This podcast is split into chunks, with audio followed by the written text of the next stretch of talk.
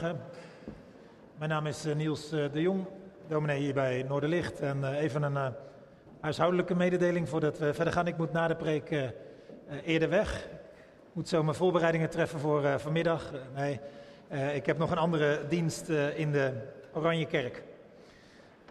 Ja, al weken gonst het van de dag van vandaag in de stad.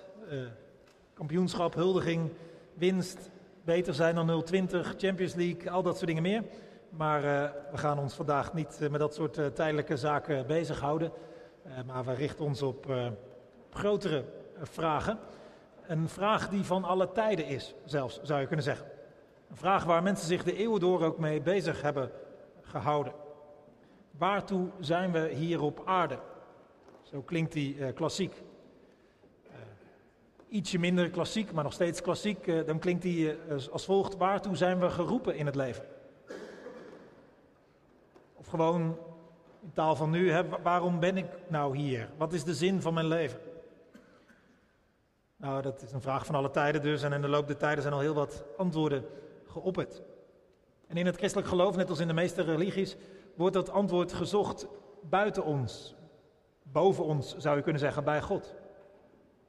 Er wordt gedacht dat God ons mensen roept tot een bepaald leven, betekenisvol leven. En die roep kunnen wij al dan niet eh, beantwoorden.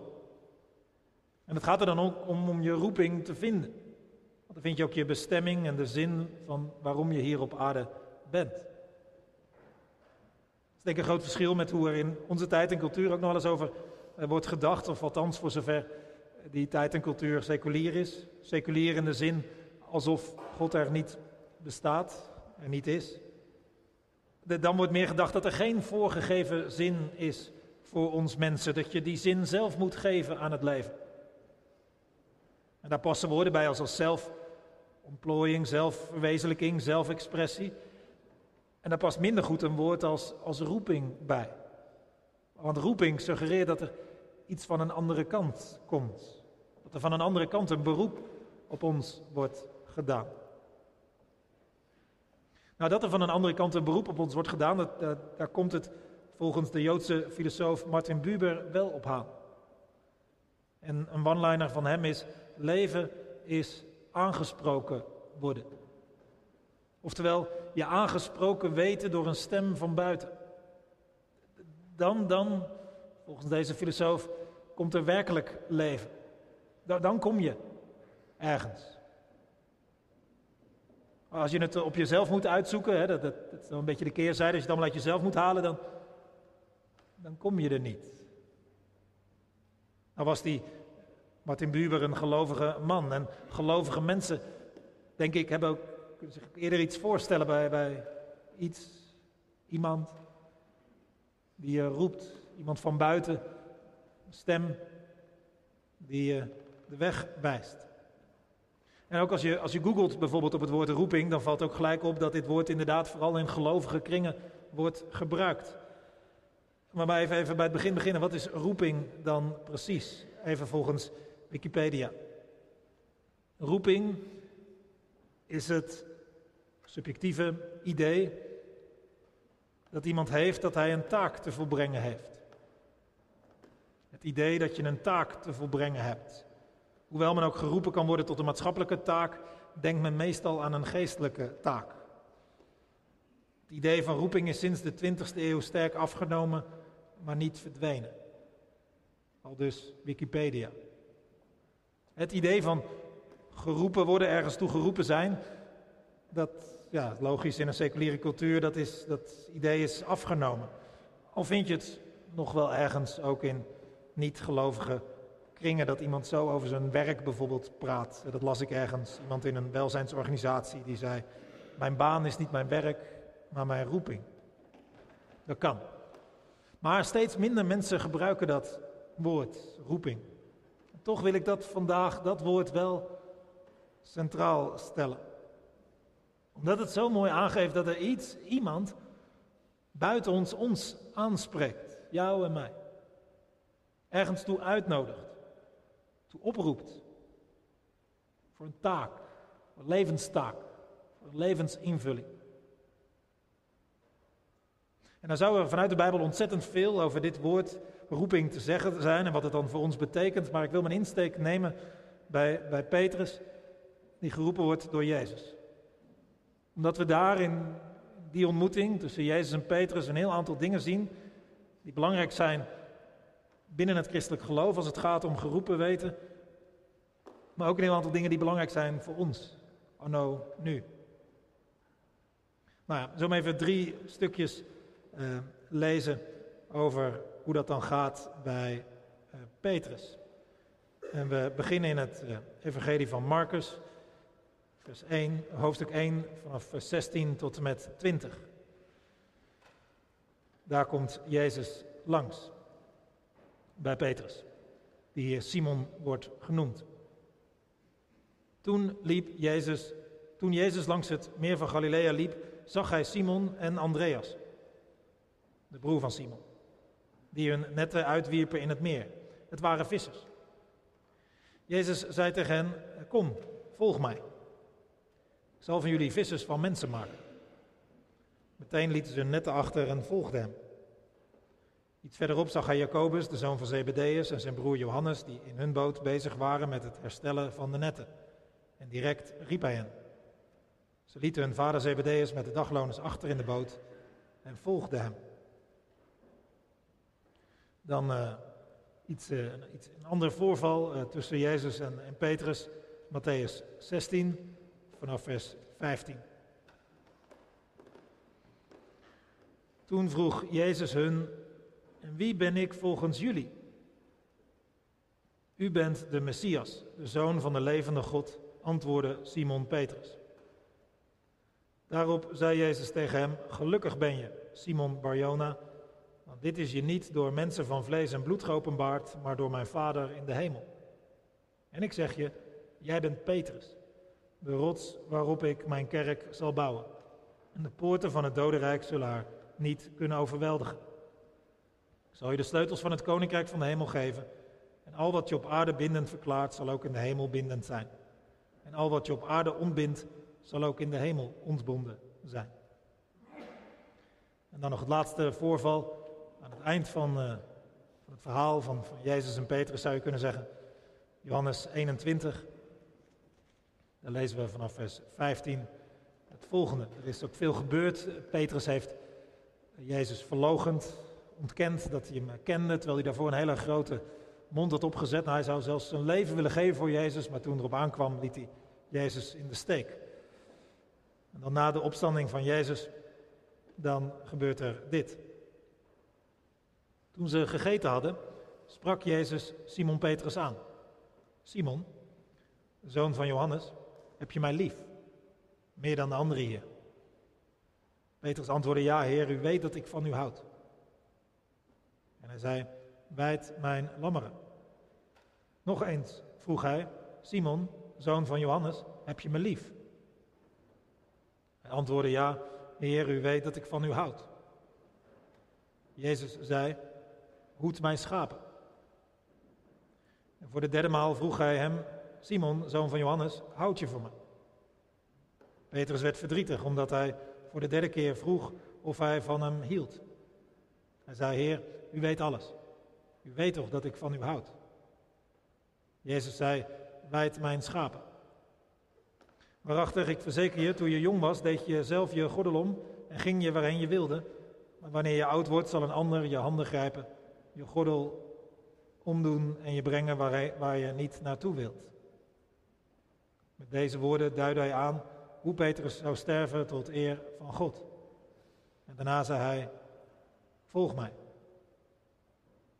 Toen Petrus zich omdraaide, zag hij dat de leerling van wie Jezus hield hen volgde. De leerling die zich tijdens de maaltijd naar Jezus toegebogen had om te vragen wie het was die hem zou verraden. Toen Petrus hem zag, vroeg hij Jezus, en wat gebeurt er met hem, Heer? Maar Jezus antwoordde, het is niet jouw zaak of hij in leven blijft totdat ik kom, maar jij moet mij volgen. Lijkt me goed om even dit eh, onderscheid te maken tussen een algemene roeping en een bijzondere. Dat zijn ook gelijk de twee punten van deze uh, preek. Met een bijzondere roeping bedoel ik wat voor iemand specifiek geldt. Een algemene roeping is dat die roeping voor iedereen, ons allemaal, geldt. De algemene roeping is dat Jezus kortweg zegt: Volg mij. En om een volgeling van Jezus te zijn, is niet iets alleen voor, voor Petrus eh, was of voor, voor wat leerlingen toen en daar, maar dat, uh, dat geldt voor iedereen. En Petrus is wel in het evangelie van Marcus, dat is het oudste evangelie, wel de eerste die deze roeping, uitnodiging krijgt. En in het vierde, het jongste evangelie, evangelie van Johannes, is dit ook weer het laatste dat Jezus zegt tegen een van zijn leerlingen. In dit geval ook weer Petrus. Volg mij. En tussendoor eh, klinkt die oproep verschillende keren in de verschillende levensbeschrijvingen van Jezus.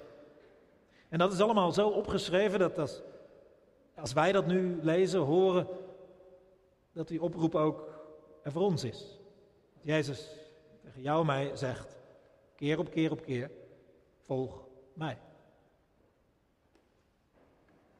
Oftewel, dat, dat het ook nu nog de bedoeling is dat we Hem volgen. Dat we de richting inslaan die Jezus wijst. Om bij keuzes die je te maken hebt, probeer de keuzes te maken die passen bij Jezus. En daar kun je gehoor aan geven, aan die, aan die oproep, die uitnodiging, of niet. Als je er gehoor aan geeft, deze roeping beantwoordt, ja, dan ben je een volgeling van Jezus Christus. Dan ben je een christen. En christen ben je dus niet als je een aantal opvattingen over God en de Bijbel onderschrijft. Dan ben je ook nog niet als je heel veel weet uh, over geloof en de Bijbel, maar daar voor de rest het bij laat. Ben je ook niet per se als je geregeld in de kerk te vinden bent. Je bent een christen als je de roep van Jezus hoort. En vervolgens met vallen en opstaan en misschien wel met de nodige twijfels in je hoofd, probeert in het leven van nu, in jouw leven van nu, in het spoor van Jezus te gaan. Dat maakt je tot iemand die bij Christus hoort, een christen. Nou, als je dat gaat doen, dan, dan gaat eraan vooraf dat je vertrouwen hebt in Jezus. Geloof in Jezus. En niet zozeer in het algemene zin dat hij uh, ergens bestaan heeft en, en goede dingen heeft gezegd en gedaan. Nee, dat je hem zo gelooft, vertrouwt, dat je zijn woorden opvolgt, zijn daden navolgt. Dat je ogen naar hem kijken.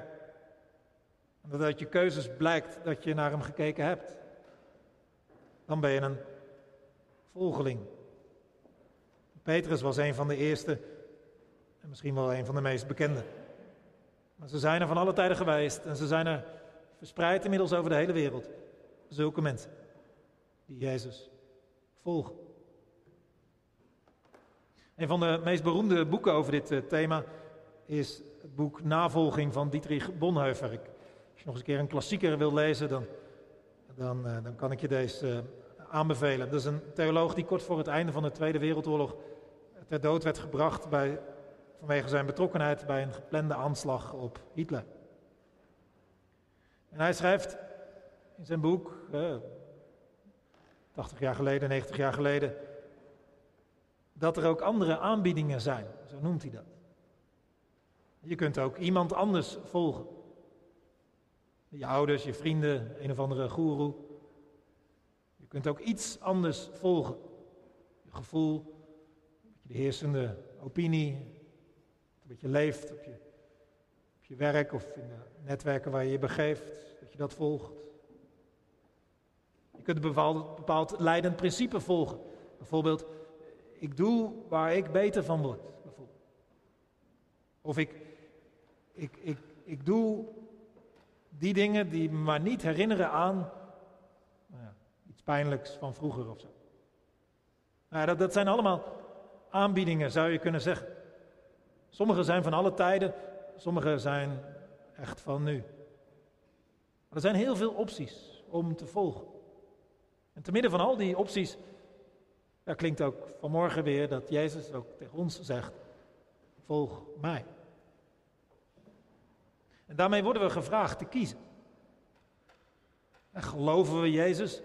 Volgen we Hem? Gaan we bij onze keuzes ons afvragen dat, wat past bij een leven in zijn spoor? En bij, als het gaat over onze manier van tijd indelen, dat we denken wat zou, wat passen. Bij onze manier van geld verdienen en geld uitgeven. Bij wat we zeggen en wat we niet zeggen. Bij wat we doen en niet doen. Bij wat we luisteren en niet luisteren. Bij wat we kijken en niet kijken. Is dat allemaal hè? het spoor van Jezus? Of in ieder geval zoeken we dat zo te doen waarvan we denken dat dat is in het spoor van Jezus? Of niet? Kiezen we voor een ander leven. Waarin je zelf wat bedenkt, of iemand anders volgt, of, of maar wat doet. En we worden gevraagd te kiezen. En, en, en niet kiezen is, is ergens ook weer kiezen. En dat is ergens lastig. Je zou er keuzestress van krijgen, want er zijn zoveel opties. Zoveel stemmen.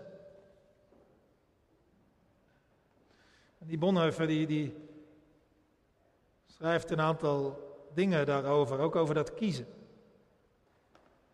En ook als je, als je dan kiest, dat dat je op aan de ene kant ook bindt aan Jezus. Maar aan de andere kant ook weer vrijmaakt. Dat je al die andere opties, stemmen, druk en noem maar op, kunt weerstaan. Dat je daar helemaal niet, dat helemaal niet hoeft te volgen. En Petrus is daar een heel uh, radicaal voorbeeld van. Hè? Als je hem zo ziet, ziet werken? In, een, in, een, familiebedrijf, hè? Daar, daar, lag zijn, zijn zekerheid, zijn inkomen, zijn toekomst. Dat was de wereld die hij kende. En dat laat hij los. Van het een op het andere moment. En uh, daar, daar, was nog wel wat. Hè? Ergens anders in het tweede stukje, geloof ik, werd hij Bar-Jona genoemd. Hè? Zoon van Jona of Johannes. Zo wordt hij later ook weer genoemd. Simon, zoon van Johannes. Daar lag in die tijd vooral de eerste binding. Je ging in het spoor van je vader. Er was niet zomaar wat om dat los te laten of te verbreken, dat was heel wat. Maar misschien zijn er bij ons andere dingen waar wij al heel snel aan vastzitten, waar we aan gebonden zijn.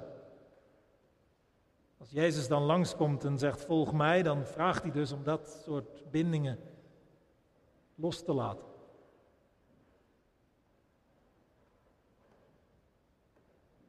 Dat de band met Jezus leidend wordt. Ja, dat, dat bindt en dat geeft dus ook enorm veel vrijheid. Nou ja, dat we Hem volgen, dat is iets wat, wat Jezus maar al te graag wil van ons allemaal. Wie, wie we ook zijn, wat er ook is gebeurd, hoeveel er al is gebeurd, of hoe weinig, hoe jong je bent, of hoe oud. Jezus wil dat wij zijn spoor gaan. Dat blijkt wel uit al die ontmoetingen met Petrus. De Jezus nodigt hem meerdere malen uit om hem te volgen. En dat, dat, dat doet Jezus natuurlijk niet zomaar meerdere malen hetzelfde zeggen, omdat hij ook weet natuurlijk wel dat je goed kunt beginnen, maar ook weer kunt afhaken of afdwalen. Of in het geval van Petrus dat je kunt denken dat je wel goed genoeg bent en het goed voor elkaar hebt, maar op het volgende moment zomaar onderuit gaan. En dan kun je weer denken van ja, ik heb het verknald en ik, ik ben niet goed genoeg meer en ik kan het nu vergeten. En dan, dan haalt Jezus Petrus er weer bij en zegt het weer, volg mij.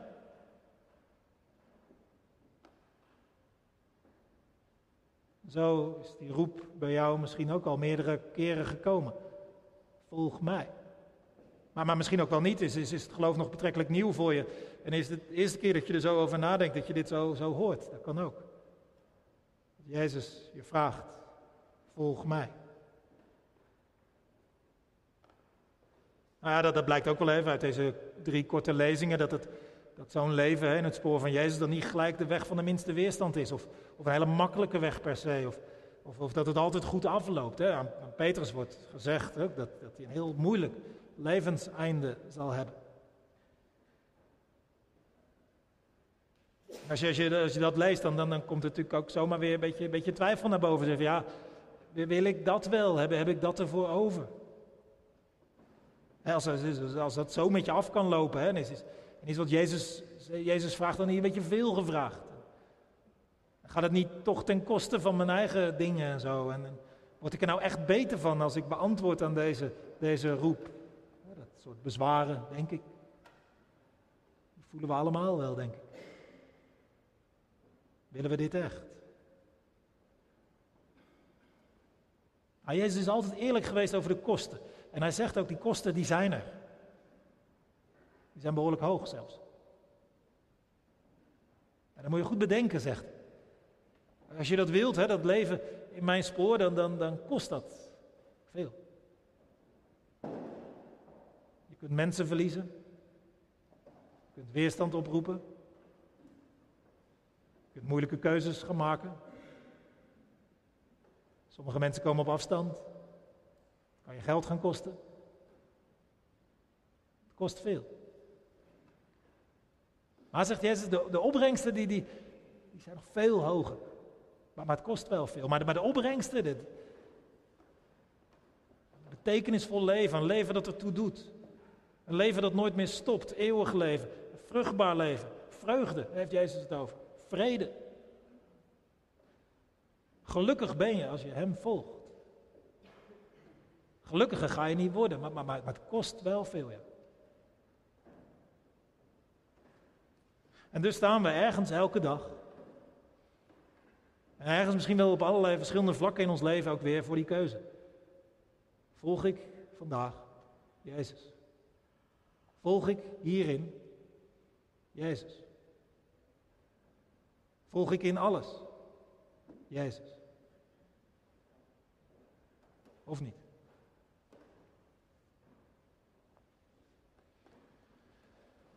Er zou nog heel veel over te zeggen zijn, maar ik wil door naar het uh, tweede onderdeel van roeping. Het bijzondere.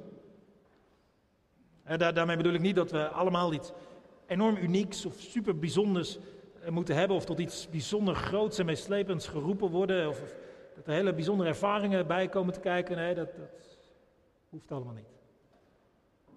Ik bedoel wel iets wat voor jou is en een ander niet voor je kan volbrengen.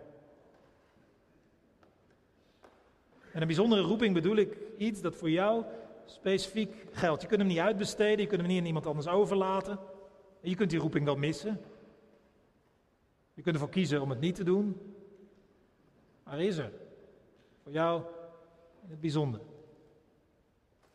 Bijvoorbeeld Petrus, die krijgt ook een bijzondere roeping. Jezus zag het gelijk in hem, wat die roeping was. Wat vermoedelijk, denk ik, niemand anders in hem gezien had. Uh, Petrus zelf ook niet, denk ik. Hè? Hij dacht, ik ben visser en ik, dat was mijn vader en dat, dat blijf ik. En ik... Dan zegt Jezus in dat eerste stukje, Petrus, zal jou en je broer en die andere twee mannen, maken jullie vissers van mensen. Wat er precies mee bedoeld werd, hij zal vast niet helemaal gelijk uh, geweten hebben wat het was, maar het was iets anders dan dat hij deed. Jezus zag iets in Petrus. En, en later, bij het tweede, tweede stukje dat we lazen, daar, zegt hij tegen, tegen hem, die eigenlijk Simon heet, ik noem jou Petrus. Dat betekent rots. Omdat jij de rots bent op wie ik mijn kerk bouw. Later is dit ook het hele idee van de paus en zo. En het is er ook uit, uit voortgekomen en zo. Dat wil ik nu maar even laten liggen. Maar dat in ieder geval Petrus iemand was. Zeker in de begintijd van, van, van handelingen bijvoorbeeld. In de eerste tijd na Jezus' opstanding zie je dat, dat Petrus inderdaad een steunpilaar is van die, van die eerste kerk. Daar leek het natuurlijk helemaal niet op. Dat Petrus dat kon. Dat hij daar geschikt voor was. Dat, helemaal niet. Petrus, als, je, als, je, als je zo de evangelie zou doorlezen, Petrus zegt heel vaak op het verkeerde moment de verkeerde dingen. Petrus duwt zichzelf veel te vaak zelf naar voren. Petrus kan zichzelf ook niet goed beheersen. En Petrus kan niet waarmaken wat hij belooft. Is zo iemand nou geschikt om de rots te zijn waarop Jezus een kerk bouwt? Je zou zeggen van niet. En toch zag Jezus het in Petrus zitten. Hij wist dat het er toch in zat, dat hij het kon. En, en als Petrus dacht dat, dat hij het inderdaad zelf verknald had en, en terugkeert tot zijn oude beroep, hè, Johannes 21, dan gaat, gaat, gaat Petrus maar weer vissen. Want ik, ja, dat, dat kan ik nog tenminste, daar, dan ga ik dat wel weer doen. Dan haalt Jezus hem er alweer heel snel uit. En hij vraagt hem in dat indringende gesprek drie keer, hou je van mij? En, en drie keer een opdracht, iets van, zorg voor mijn kudde. Oftewel, zorg voor mijn mensen, zorg voor de kerk. Daar heb ik je voor nodig, dat moet je doen, dat is voor jou. Jezus bevestigt, ook na die vreselijke fouten van Petrus, die specifieke roeping die hij had. Zijn falen maakt niet gelijk zijn roeping ongedaan. En zo, zo kan het gaan, hè, dat mensen, ondanks dat ze vreselijk de mist in zijn gegaan, toch alsnog een bepaalde roeping krijgen. Ik moest bijvoorbeeld denken aan Charles Colson. Geen idee of die naam je iets zegt. Er was een advocaat die ging werken bij de regering van Nixon. En ook betrokken was nogal flink bij het Watergate-schandaal. Colson hielp Nixon door tegenstanders van Nixon in een kwaad daglicht te stellen. Door leugens te verspreiden, valse geruchten. Deze Colson ging ook nog wat stappen verder. Hij was betrokken bij een inbraak bij een politieke tegenstander van Nixon om op die manier belastende informatie te verkrijgen. En toen na een aantal jaar alles in openbaarheid kwam, belandde Colson erdoor in de gevangenis. Vlak voordat hij naar de gevangenis ging, kreeg hij van een vriend het boek Onversneden Christendom van C.S. Lewis. Ook al zo'n klassieker. Als je, nog geld over hebt voor klassiekers, deze kan ik je ook aanraden. En Colson kwam via dit boek tot geloof. En je zou kunnen zeggen, die, die algemene roeping, die uitnodiging van Jezus, volg mij, die, daar ging Colson op in. Na zijn gevangenisstraf ontdekte hij ook zijn specifieke roeping. Want hij had zoveel misstanden in de gevangenis gezien, dat hij zich ging inzetten voor hervorming van het gevangeniswezen. Voor allerlei programma's in de gevangenis om mensen te helpen bij hun terugkeer. En voor programma's voor mensen na hun terugkeer in de samenleving. En Colson slaagde daar enorm in. Hij had enorme invloed. Blijkbaar. Ook al was zijn carrière gestrand. Op een vreselijke manier. Schandelijke manier ook. Had God voor deze foute politicus een nieuwe een roeping. Maar goed, een, roeping kan ook jonger komen en, en minder in contrast staan met het verleden. Als ik naar mezelf kijk, ik, als kind was ik al geboeid door Jezus, de verhalen van Jezus en het geloof. Het leven in het spoor van Jezus. En ik denk toen ik een jaar of 15, 16 was, dat ik al besloot, ja, in dat spoor wil ik verder, ga ik verder. Toen ik 17 was, kwam daar in een kerkdienst de roeping bij om ook maar theologie te gaan studeren. En er ontwikkelde zich, zich best vreemd voor een jongen die opgegroeid is op een boerderij, een liefde voor een stad voelde me geroepen voor een stad, dat werd Rotterdam. Een aantal jaren later volgde de roeping tot het starten van Noorderlicht. Zo kan een roeping groeien. En, en, en bij jou gaat het waarschijnlijk weer anders. Want jij bent anders. Dan Colson, dan mij, dan welk voorbeeld je ook hebt. En een specifieke roeping kan op zoveel verschillende manieren komen. Een kleine rondgang in de Bijbel laat het al gelijk zien. Misschien zeggen die namen je gelijk iets, misschien niet, maar dat maakt ook niet uit. Maar een roeping kan heel jong beginnen, zoals bij een kind, zoals bij Samuel. Een roeping kan ook op veel latere leeftijd komen, zoals in de Bijbel bij Mozes. Een roeping hoeft geen breuk met het verleden te zijn, maar kan dat wel zijn. Bijvoorbeeld Paulus. Bij hem was er ook een levenslange roeping, maar dat hoeft niet. Het kan ook allemaal je hele leven leiden tot dat ene specifieke moment waarop je opeens weet, oh hier was ik voor geroepen. Bijvoorbeeld bij koningin Esther. Op een wonderlijke manier was ze koningin geworden en opeens werd duidelijk waarom ze daar zat. Een roeping kan in de politiek liggen, zoals bij Daniel. Je, je kunt een tweede kans krijgen om je roeping alsnog uit te voeren, zoals in de Bijbel bij Jona. Een roeping kan je wegleiden uit het bekende naar het totaal onbekende. Zoals in de Bijbel bij Abraham. Maar je kunt ook geroepen worden om juist terug te keren naar de mensen die jou kennen, terwijl je eigenlijk weg wilde.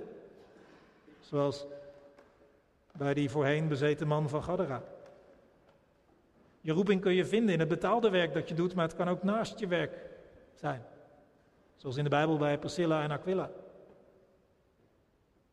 Je kunt je roeping vinden in, in, in, in een project, in iets dat je leidt, maar ook iets dat je ondersteunt. Een roeping kan in de kerk zijn met geestelijke dingen, zoals in de Bijbel bij Ezra. Maar je roeping kan ook in de samenleving liggen om dingen recht te krijgen, dingen op te bouwen. Zoals in de Bijbel bij Nehemia. En al die voorbeelden nodigen ons uit om onze eigen specifieke roeping te ontdekken. Een roeping die groot kan zijn en voor de rest van je leven kan gelden. Ook een roeping die er is voor de komende tijd. Het kan te maken hebben met je eigen situatie in de familie, dat je bijvoorbeeld geroepen weet als mantelzorger voor iemand. Of het verzorgen van een kind met een handicap. Het kan er ook iets buiten je eigen netwerk zijn, iets wat je misschien nooit bedacht had, maar het komt op je pad. Een roeping heeft vaak te maken met de gaven en talenten die, die je hebt, met welke nood je ziet, met welk verlangen je hebt. Je roeping kan er opeens zijn, dat je opeens bedenkt, dit, dit is het. Hiervoor ben ik bestemd. Hiervoor, hiervoor is alles van mijn verleden gebeurd en dat, dat, dat komt erin mee, dat komt van pas. Je roeping kan duidelijk worden omdat je verschillende dingen ervaart van God en Gods leiding. Je roeping kan ook duidelijk worden door de omstandigheden waarin je zit. Dat je opeens denkt, ja, dit is allemaal niet voor niks. Zo gekomen. Dit moet ik doen. Ik weet niet hoe het bij jou zit als je dit allemaal hoort. Misschien heb je geen idee of er een specifieke roeping voor jou is. Of voor je zal komen. Ik zou zeggen, bid ervoor. Het ligt niet aan jou als je die roeping niet hoort of krijgt. Of... Gaat er alleen om of je bereid bent. Beschikbaar. Als die roeping zou komen.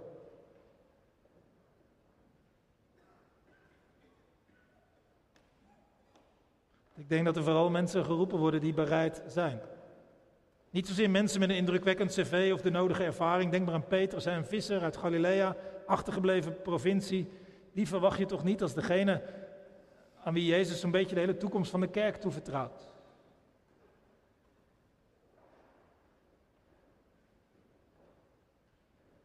Misschien heb je al een idee wat je roeping is. Maar ben je er nog niet aan begonnen? Misschien twijfel je of je het wel kunt. Ik zou dan zeggen, op basis van die derde lezing, als je maar van Jezus houdt, is dat genoeg om ervoor te gaan. Misschien ben je bereid voor een andere roeping dan, dan, dan, dan wat er in het verleden is gedaan. In de samenleving, in de kerk, in je eigen familie of netwerk of daarbuiten, dicht bij huis of juist ver weg. Wacht maar af, bid. Kijken of er wat komt. Misschien ben je al lang bezig met je roeping. Maar misschien dreigt die roeping soms op een lager pitje te komen. En er zijn alle andere ook best goede dingen die, die, die, die, kunnen gebeuren en die er zijn. En je raakt je wees echte roeping ook wel een beetje kwijt. Dan hoop ik dat deze dienst een aanmoediging is. Om weer vooral je tijd te besteden waar je echt toe geroepen bent. Om het vol te houden. Ook. Hoe het ook zei, ik zou willen voorstellen om een minuut stil te zijn. En daarna is er een luisterlied. Om in die minuut na te denken over jouw eigen specifieke roeping. Is die er? Waar zou die kunnen liggen? Waar die al ligt? En misschien ook te bidden of God je duidelijk wil maken. Misschien nu wel gelijk hier te plaatsen. Later vandaag, deze week, of nog weer veel later. Of hij duidelijk wil maken waar jouw specifieke roeping ligt, wat jij mag doen, bijdragen in deze wereld. Laten we stil worden en luisteren.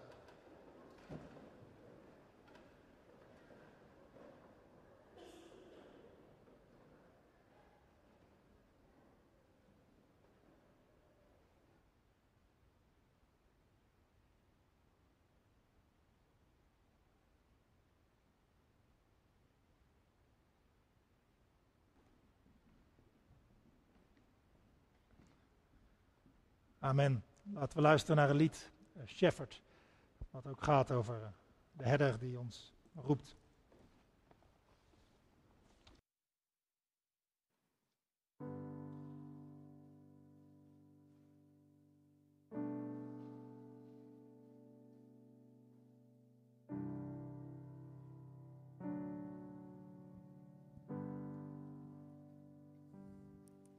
In the process In the waiting, you're making melodies over me,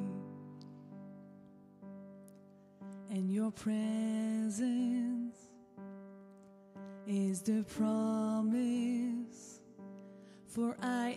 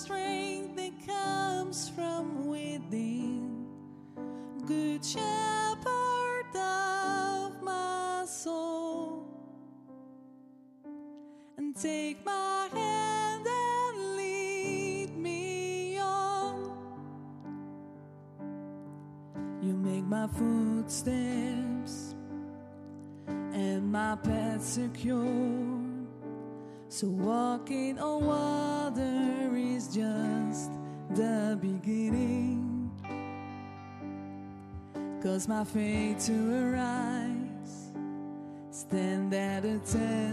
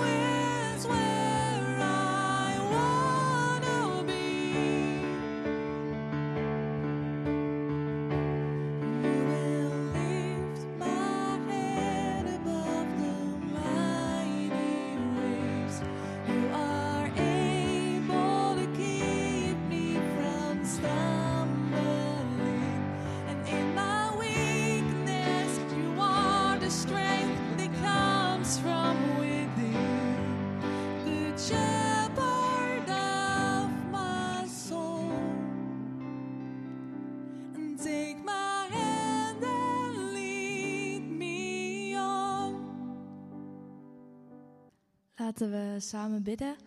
En eh, als afsluiting zullen we samen met onze Vader bidden.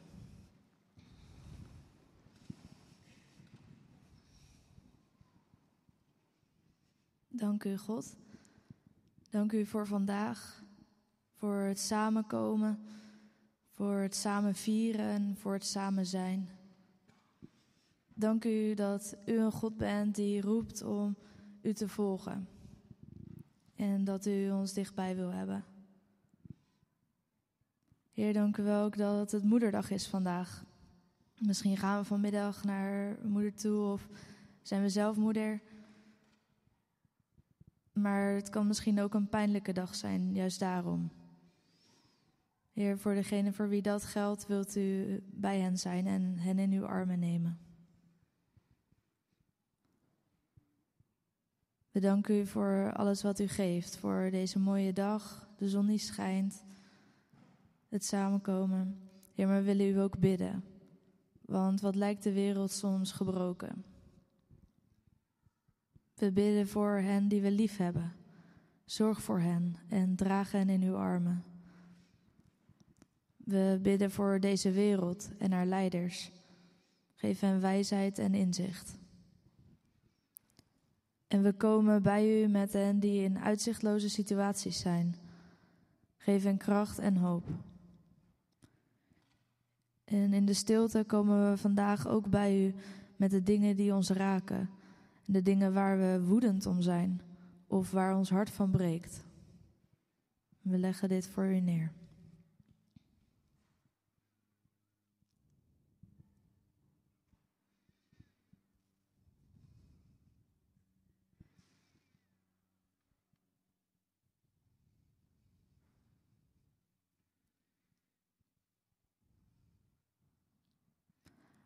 Dit alles brengen we bij u en samen bidden we.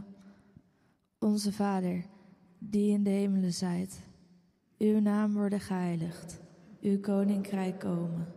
Uw wil geschieden in de hemel als ook op de aarde. Geef ons heden ons dagelijks brood en vergeef ons onze schulden, gelijk ook wij vergeven onze schuldenaren. En leid ons niet in verzoeking, maar verlos ons van de boze. Want van u is het koninkrijk en de kracht en de heerlijkheid tot in eeuwigheid. Amen.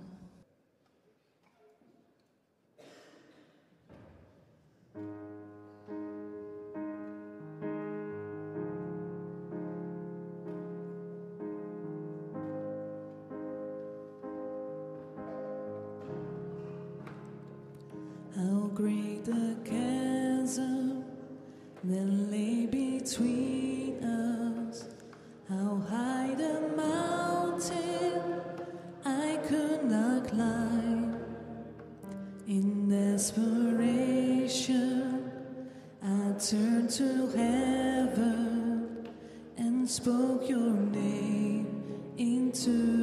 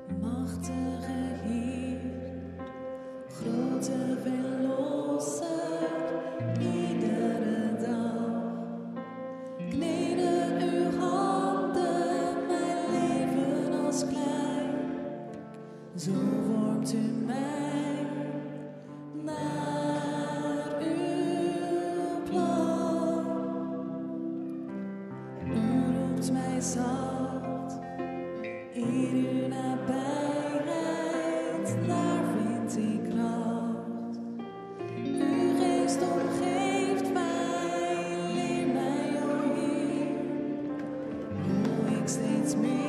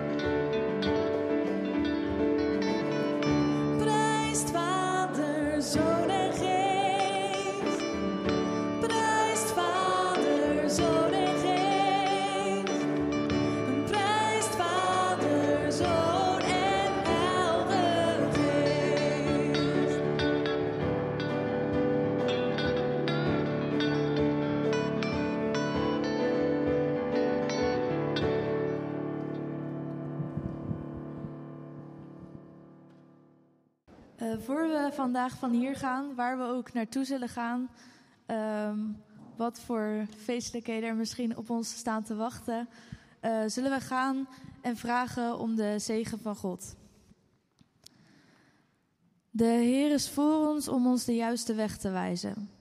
De Heer is achter ons om ons in de armen te sluiten en ons te beschermen voor gevaar.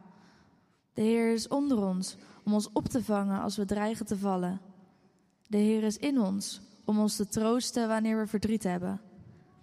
De Heer is om ons heen als een beschermende muur, als anderen over ons heen dreigen te vallen. De Heer is boven ons om ons te zegenen.